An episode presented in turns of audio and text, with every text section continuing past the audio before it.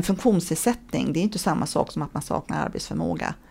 Och det tycker jag är jätteviktigt att framhålla och det gör jag så fort jag kommer åt. Och där har man också skälet till varför man inte ska behöva uppge att man har en funktionsnedsättning. Välkommen till Biogens podd Synapsen och detta program om arbetsförmåga och flexibel arbetsmarknad. Jag heter Max Eliasson och arbetar för läkemedelsföretaget Biogen som fokuserar på neurologi. Vi hade ett seminarium i Almedalen 2018 på temat om arbetssituationen för kroniskt sjuka som vi idag fördjupar oss i i detta program. Podden Synapsen ska ta upp ämnen som ligger i tiden med hjälp av inbjudna gäster som får utveckla sina tankar inom sitt specialområde. Och dagens gäst är Lise Lidbeck. Välkommen! Tack! Berätta lite om dig själv. Jag eh, är förbundsordförande för Neuro sedan sex år tillbaka.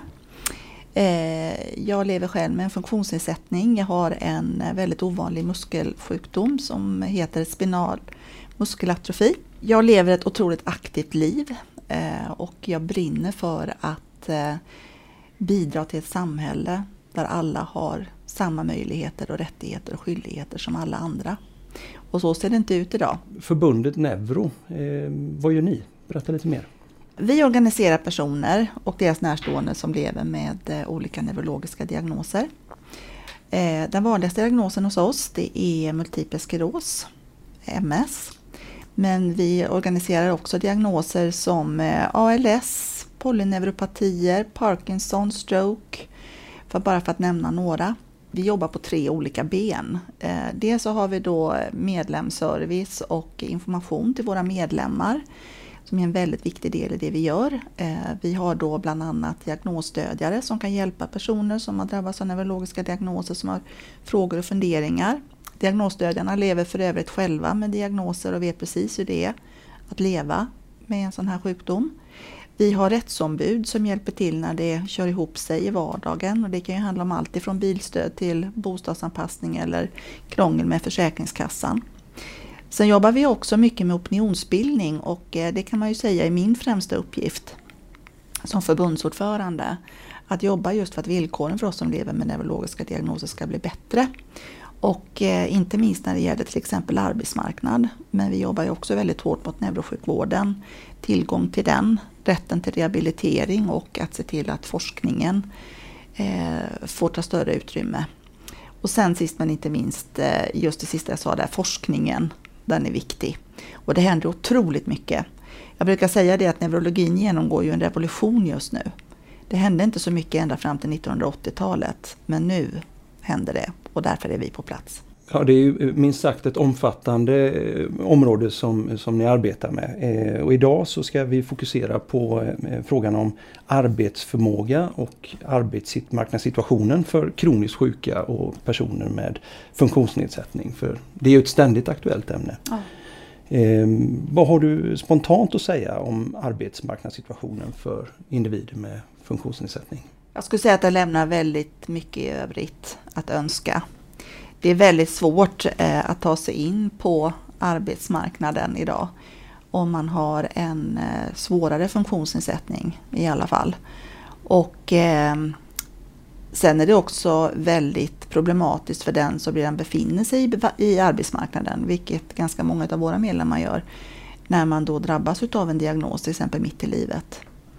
Ehm, det finns väldigt konstiga och stelbenta regelverk som gör att man lätt hamnar mellan maskorna i de skyddsnät som vi ska ha i vårt samhälle. Och det är en väldigt viktig fråga att jobba med. Vill du berätta om eh, dina egna erfarenheter av eh, arbetsmarknaden? Det skulle jag jättegärna vilja göra. Inte minst därför att jag vet att det här är en erfarenhet som jag inte är ensam om. Jag brukar säga det att jag har levt halva mitt liv som frisk och eh, sen halva mitt liv då utifrån den Eh, situation som jag sitter i idag då när min muskelsjukdom började verkligen göra väsen utav sig. Så att som så många andra då så hade jag i slutet av tonåren då planen ganska klar. Eh, jag eh, var väldigt intresserad utav försäljning, jag var en väldigt social person och efter gymnasiet när jag då fick möjlighet sen att komma in och börja jobba som trainee på, det hette Gröna Konsum på den tiden då. För att så småningom då kunna sluta som eh, eh badhuschef. Så så tyckte jag det var en jättespännande utveckling. Att få ha ett fritt jobb, det var fysiskt och att få träffa mycket människor. Det, det, var, det var verkligen drömmen för mig. Så att jag påbörjade ett sådant program och jag jobbade inom handeln och trivdes väldigt bra med det. Men strax efter 20-årsåldern så började mina symptom att tillta väldigt mycket då som är muskelsvaghet. Jag började få svårt att gå i trappor, jag började ramla väldigt mycket.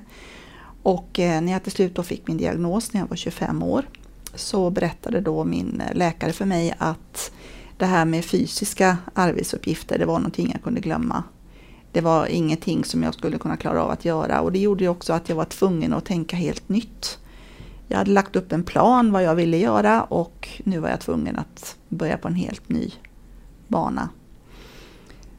Och i det läget så hamnade jag på någonting som heter AMI, Arbetsmarknadsinstitutet då. En ganska förnedrande upplevelse när jag skulle då testas för min arbetsförmåga. Och eh, jag tillbringade fyra veckor med att eh, virka grytlappar och, och inrätta mig i ledet så att säga. Och eh, under de här fyra veckorna så var jag bara helt inställd på en sak. Jag måste bara komma härifrån och jag hade under tiden då lagt ner ganska mycket arbete på vad, vilken typ av utbildning då skulle kunna vara lämplig för mig. Och då hittade jag en YTH-utbildning på Stockholms universitet, handelslinjen som då var på 60 poäng, där man bland annat då läste om eh, eh marknadsföring, eh, juridik och lite blandat, för att då kunna ta en mer administrativ tjänst. Så den hoppade jag på och kom in på och jag var så lycklig. Och jag glömmer aldrig den dagen när jag kunde lämna Arbetsmarknadsinstitutet och eh, säga tack för mig, nu kan ni vika era grytlappar för er själva, för nu tänker jag göra annat. Och jag gick den utbildningen och den var jätteintressant. Och sen började jag söka jobb. Och eh, jag blev kallad på en rad i olika intervjuer. Men jag var också väldigt ärlig och förklarade då att jag hade en progressiv muskelsjukdom. Det märktes inte så mycket på den tiden. Jag gick med en käpp och haltade lite grann. Men det var ganska tydligt för mig efter ett tag att så fort jag nämnde det så svalnade intresset. Och nu är vi då inne någonstans i mitten på 90-talet. Och jag började fundera allt mer på det här att ska jag verkligen berätta om det här? Att jag har en muskelsjukdom? Det, det verkar vara väldigt svårt. Så att jag valde till slut på ett väldigt intressant jobb på en bank, jag tänker inte nämna vilken, eh, att jobba i deras reception. Att jag säger ingenting om den här sjukdomen. Jag kunde ju dölja den ganska väl och att halta det kunde ju lika gärna handla om att jag hade ont i en fot. Så eh, jag eh, fick jobbet och sen så påbörjade jag då en arbetstid där jag var ständigt rädd för att bli avslöjad. Ständigt rädd för att jag skulle få uppgifter som jag inte skulle kunna hantera och att jag då skulle vara tvungen att erkänna som det var att jag hade en kronisk diagnos. Och det tog faktiskt inte mer än fyra månader innan detta hände. Eh, då blev jag ombedd att anordna en friluftskonferens som då skulle bland annat innebära att vi skulle sova i militärtält och vi skulle rida på hästar. Och jag lyckades komma ifrån eh, militärtältet men hästridningen den, den kom jag inte ifrån. Och det var en fruktansvärd upplevelse när jag står eh, bredvid en häst och tio kollegor inklusive chefen sitter och tittar på mig. Och jag kommer inte upp på hästskrället.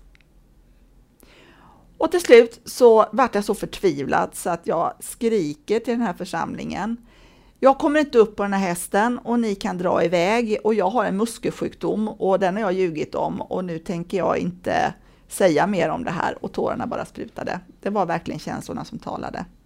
Och då gav jag mig själv också ett löfte om att duger inte jag som jag är, då kan det vara.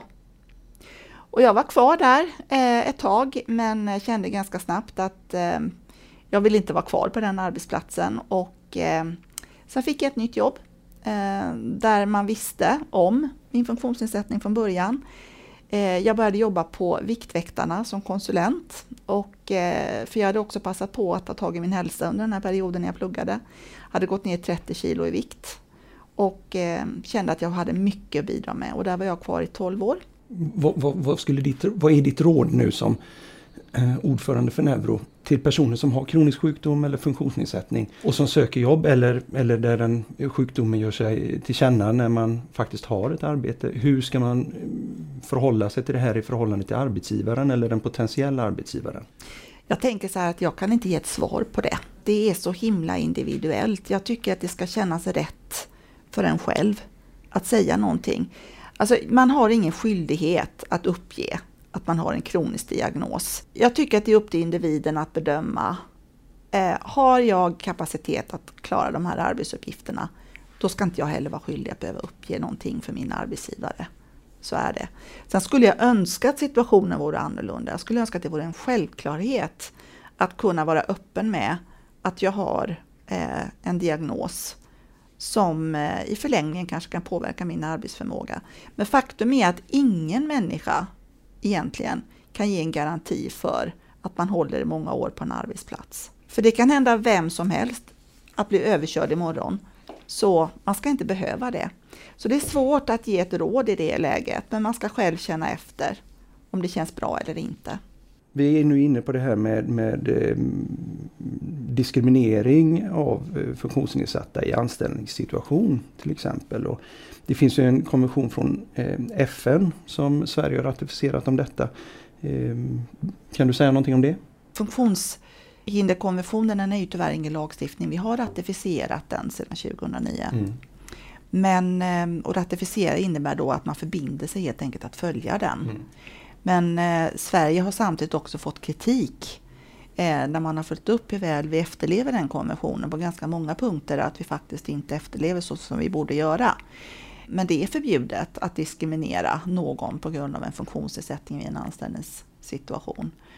Och det är klart, beroende på anställningssituationen då. Om jag söker jobb då som, som eh, brandman kanske, om jag är rullstolsburen, så är det ganska naturligt att eh, det blir min funktionsnedsättning så att säga som, som eh, gör att jag inte kan komma i fråga.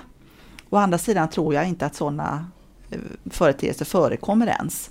Utan jag tror att de flesta som lever med en funktionsnedsättning, för att inte säga alla som söker ett jobb, har nog länge och väl funderat igenom om de klarar arbetsuppgifterna innan de söker jobbet. Och eh, en funktionsnedsättning är verkligen ingen anledning att säga nej till någon. För det viktigaste återigen det är att man klarar sina arbetsuppgifter. En funktionsnedsättning det är inte samma sak som att man saknar arbetsförmåga. Och det tycker jag är jätteviktigt att framhålla och det gör jag så fort jag kommer åt. Och där har man också skälet till varför man inte ska behöva uppge att man har en funktionsnedsättning. Om vi tittar på eh, nuläget på arbetsmarknaden för personer med, med kronisk sjukdom eller, eller funktionsnedsättning. Vad, vad, skulle du säga fungerar bra? Jag skulle önska nu att jag kunde komma på någonting sådär direkt men egentligen har jag nog ingenting att säga sådär direkt. Eh, snarare är väl min koncentration på det som inte fungerar särskilt bra.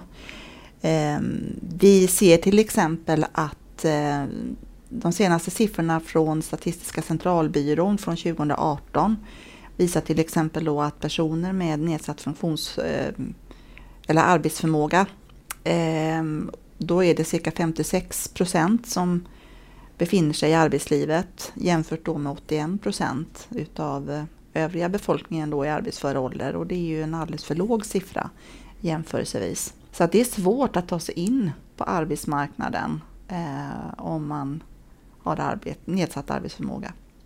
Varför är det svårt att, ta sig in på arbetsmarknaden? Då? Jag tror att det beror på många olika faktorer. Eh, dels handlar det om eh, tillgänglighet tillgänglighet både av eh, lämpliga arbeten, men det kan också handla om den fysiska tillgängligheten.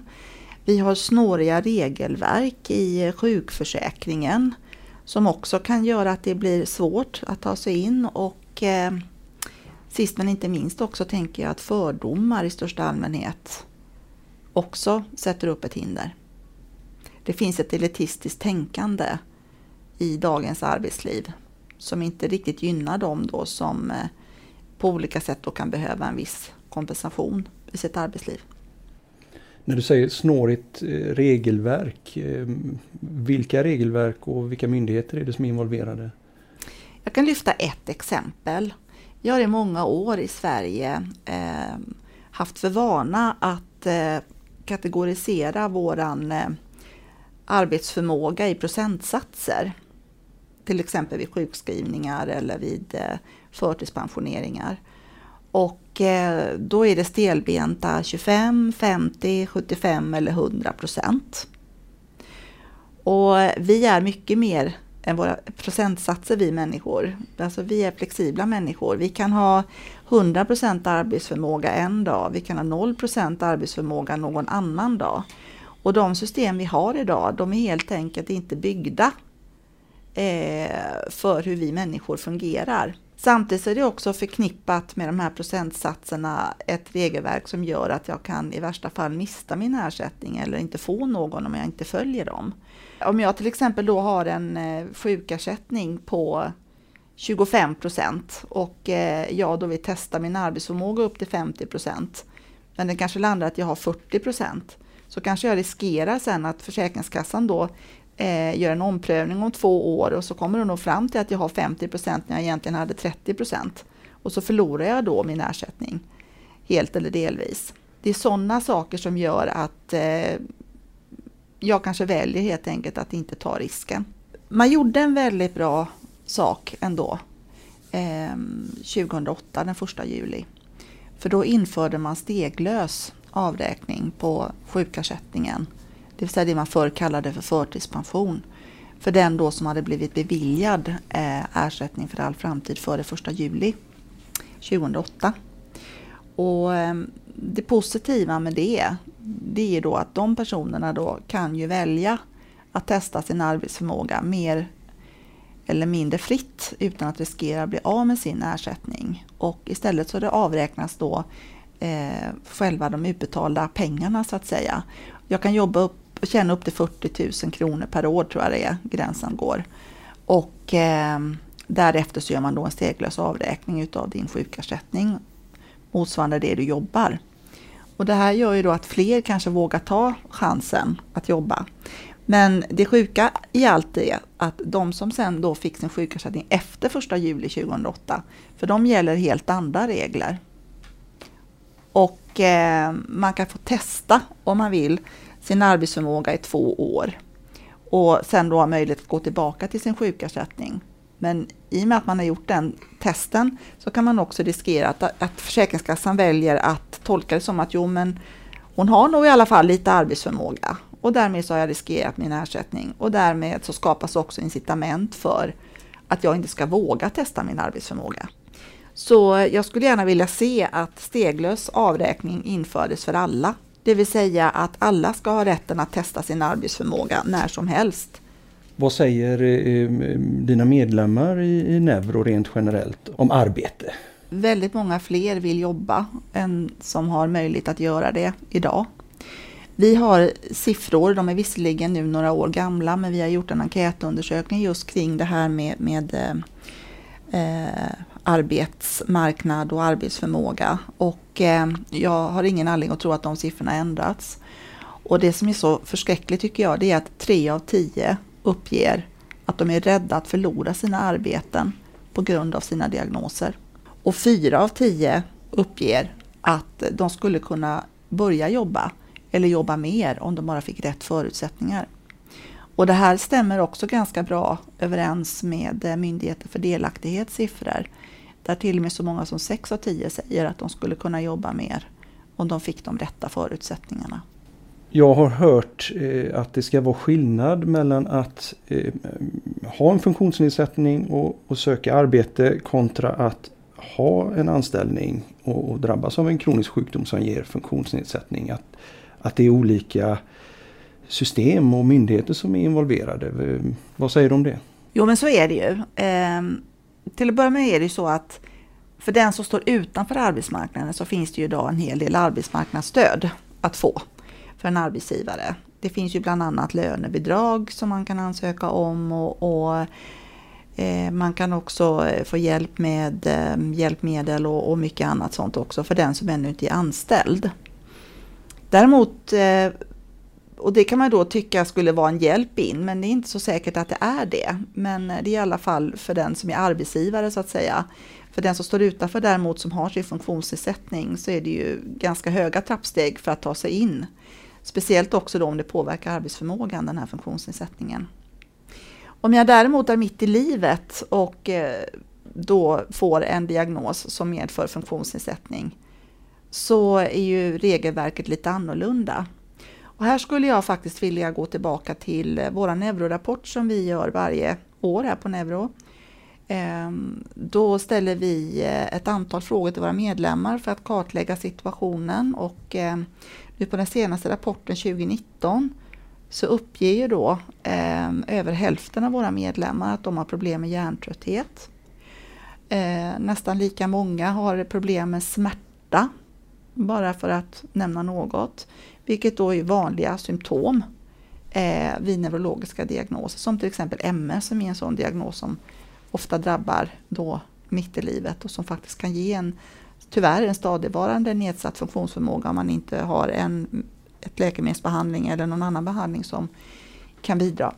Och eh, där har vi ett sådant snårigt regelverk som då gör att eh, om jag är sjuk längre än 180 dagar så förväntar sig då Försäkringskassan att jag ska gå ut och söka andra jobb på arbetsmarknaden.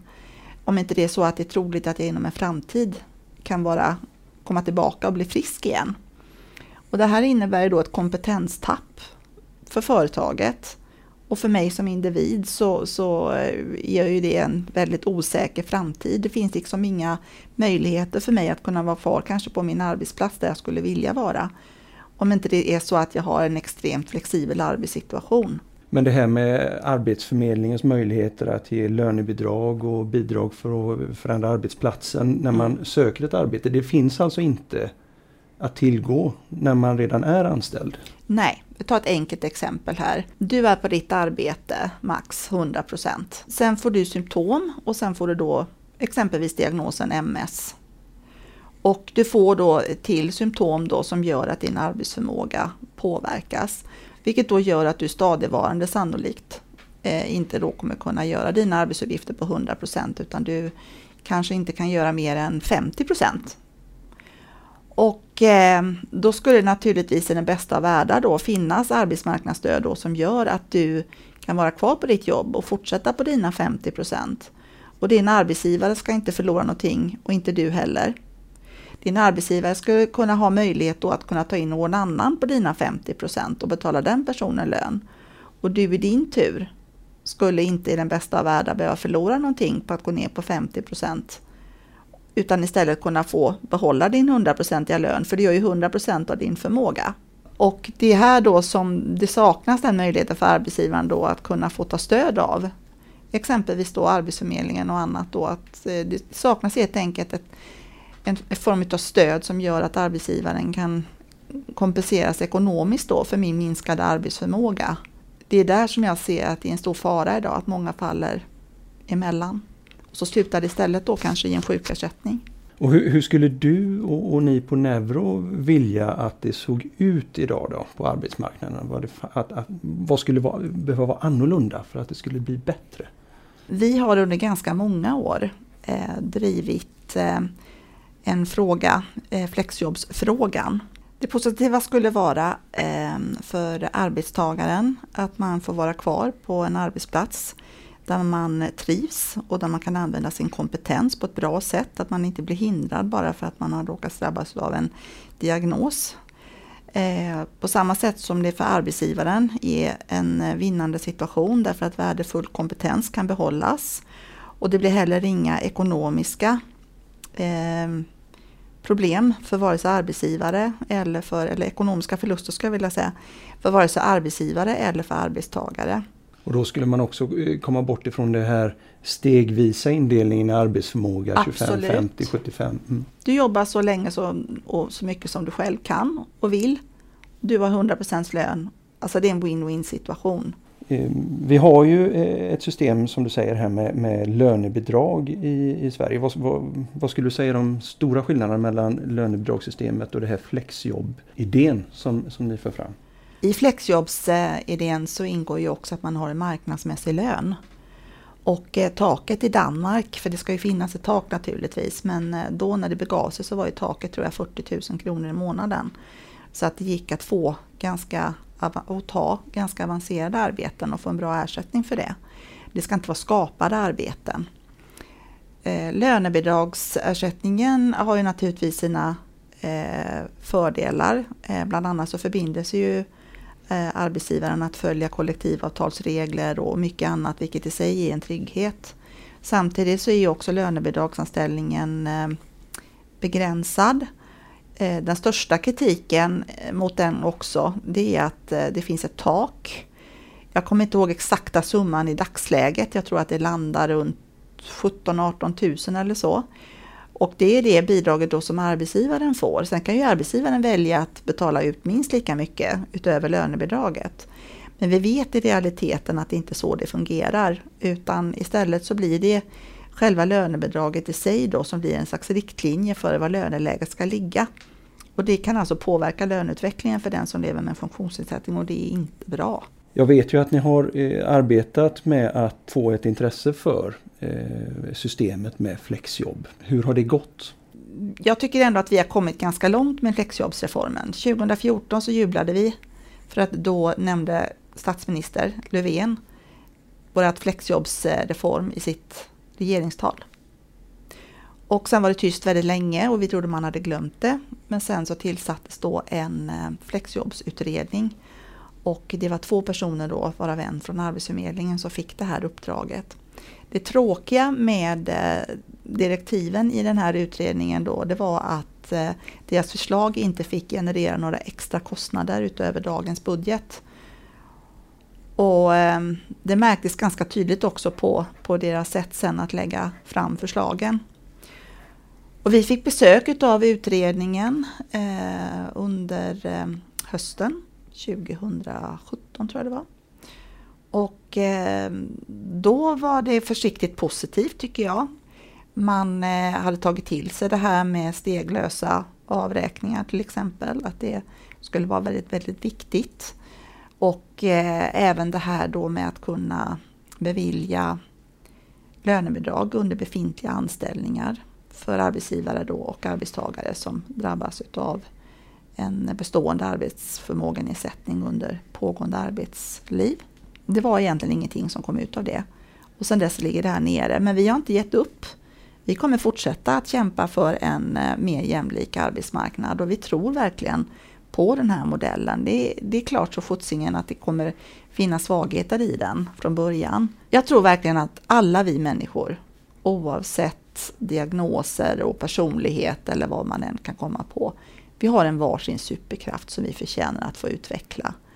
Och bra många fler vill vara med och bidra till arbets i arbetsmarknaden och till samhället än vad som får göra det idag. Ja, vi har pratat här om, om väldigt viktiga frågor och eh, ett, ett stort område. Eh, om du skulle sammanfatta det vi har pratat om, de, de, de viktigaste sakerna som våra lyssnare ska ta med sig från det här samtalet. Att ha en diagnos eller en funktionsnedsättning, det är inte samma sak som nedsatt arbetsförmåga. Och det här är någonting som samhället måste förstå på alla nivåer. Sen måste vi eh, skapa system och det är ytterst regeringens och politikens ansvar att skapa förutsättningar och regelverk och ge direktiv till myndigheter som gör att det ska vara lättare att kunna vara ute på arbetsmarknaden och också komma in på arbetsmarknaden. Man måste också bygga trygghetssystem som gör att människor vågar testa sin arbetsförmåga och man måste ta bort de här stelbenta procentsatserna som vi människor inte är skapta för. Vi står för en enorm utmaning i Sverige idag. Inom tio år så kommer antalet 80-plussare ha ökat med nästan 50 procent. Arbetskraften kommer bara ha ökat 6 procent. Även om vi skulle ta in alla dem i eh, vården så skulle det ändå inte räcka till för de här människorna.